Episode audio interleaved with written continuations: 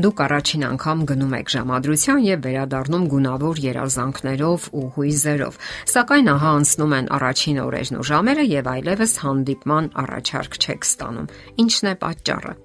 Նախորդ հաղորդման ժամանակ մենք խոսեցինք տարբեր հնարավոր պատճառների մասին։ Օրինակ, նա չի զգացել, որ դուք ձգում եք իրեն։ Նա վատ է դաստիարակված։ Դուք ձեզ հետ քարշ եք տվել նախկինին Ձեր ժամադրությունը ավելի շատ հարցազրույց է հիշեցրել։ Առաջին ժամադրությունը չափազանց երկար է տևել։ Դուք հետաքրքրություն չեք ցուցաբերել։ Խոսենք հաջորդ հնարավոր գործոնների մասին, թե ինչու ձեզ չեն առաջարկել շարունակել հանդիպումները։ Դուք ուշացել եք եւ չեք զգուշացրել այդ մասին։ Հարկավոր է զգուշացնել հնարավոր ուշացումների մասին, ընդ որում դա առանձնապես դժվար չէ։ Դա ցույց կտա, որ դուք բարեխիղճ անznավորություն եք եւ գնահատում ու հարգում եք դիմացինի ժամանակը։ Երբ դուք այդպես եք վարվում, դա լավ տպավորություն է թողնում եւ գնահատվում է դիմացինի կողմից եւ միշտ փոխհատուցվում է։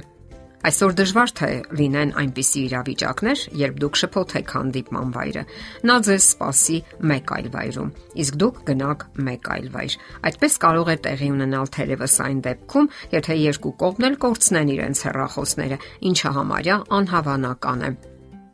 Հարաբերությունների խորհրդատու Սաման Թաբերնսը խորհուրդ է տալիս առաջին ժամադրությանը այնպես պատրաստվել եւ այնպես տեղաբաշխել ժամանակը, որպես թե գնում եք աշխատանքային հարցազրույցի։ Հաջորդ պատճառը, եթե ձեզ չեն կանչում հերթական ժամադրության, դուք հոգնել եք որոնումներից եւ դա զգացվում է։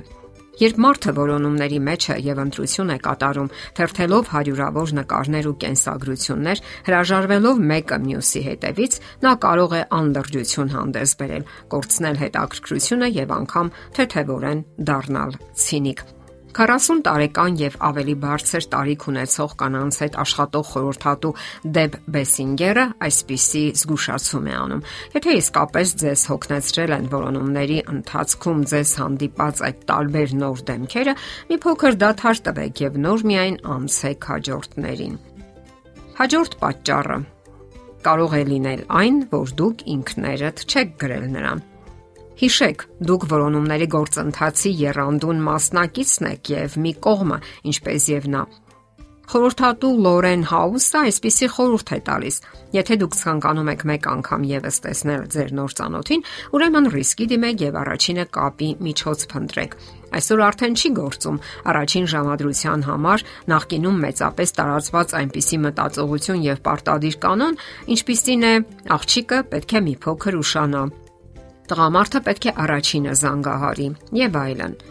Երբեմն այնպիսի իրավիճակներ են լինում, որ երկու կողմն էլ ցանկանում են նորից հանդիպել, սակայն ինքնասիրությունն ու հպարտությունը թույլ չի տալիս, որ առաջինը իրենք զանգահարեն եւ ասեն այդ մասին, եւ երկուսն էլ սպասում են, որ դիմացինը առաջինը զանգահարի։ Այդպես կարող է այնքան երկարաձգվել, որ երբեք այլևս հանդիպում չկայանա։ Նման դեպքում այսպիսի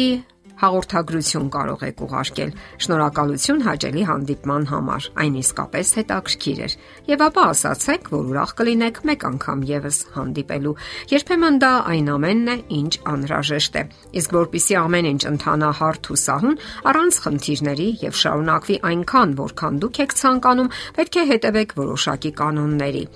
Պետք է ստեղծեք ազատ, անկաշկանդ հարաբերություններ։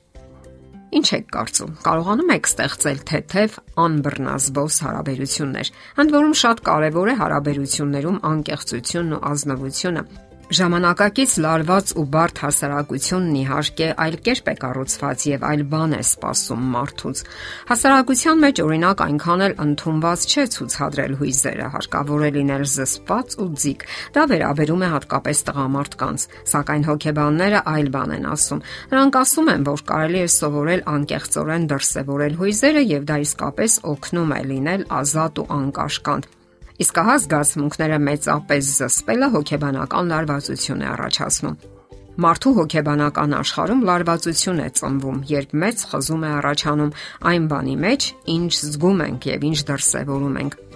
Իսկ ահա անկեղծ հարաբերությունների դեպքում մենք կարիք չունենք հիշելու, թե ինչն ենք ասել եւ ինչն ենք թաքցրել, երբ ենք կեղծել եւ երբ ոչ։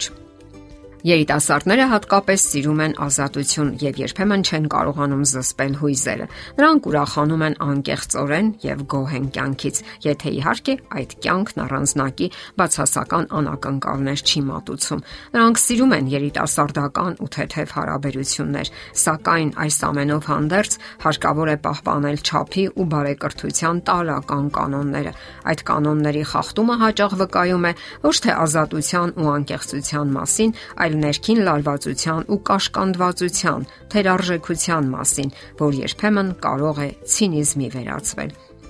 Ինչու չկայացավ երկրորդ հանդիպումը։ Կարևոր է հասկանալ պատճառները, սակայն դրանից երբեք պետք չէ ողբերգություն սարքել կյանքում միշտ էլ նման բաներ տեղի են ունենում եւ մեզանից յուրաքանչյուրը երաշխավորված չէ դրանից։ Եթերում է ճանապարհ երկուսով հաղորդաշարը։ Հարցերի եւ առաջարկությունների համար զանգահարել 033 87 87 87 հեռախոսահամարով։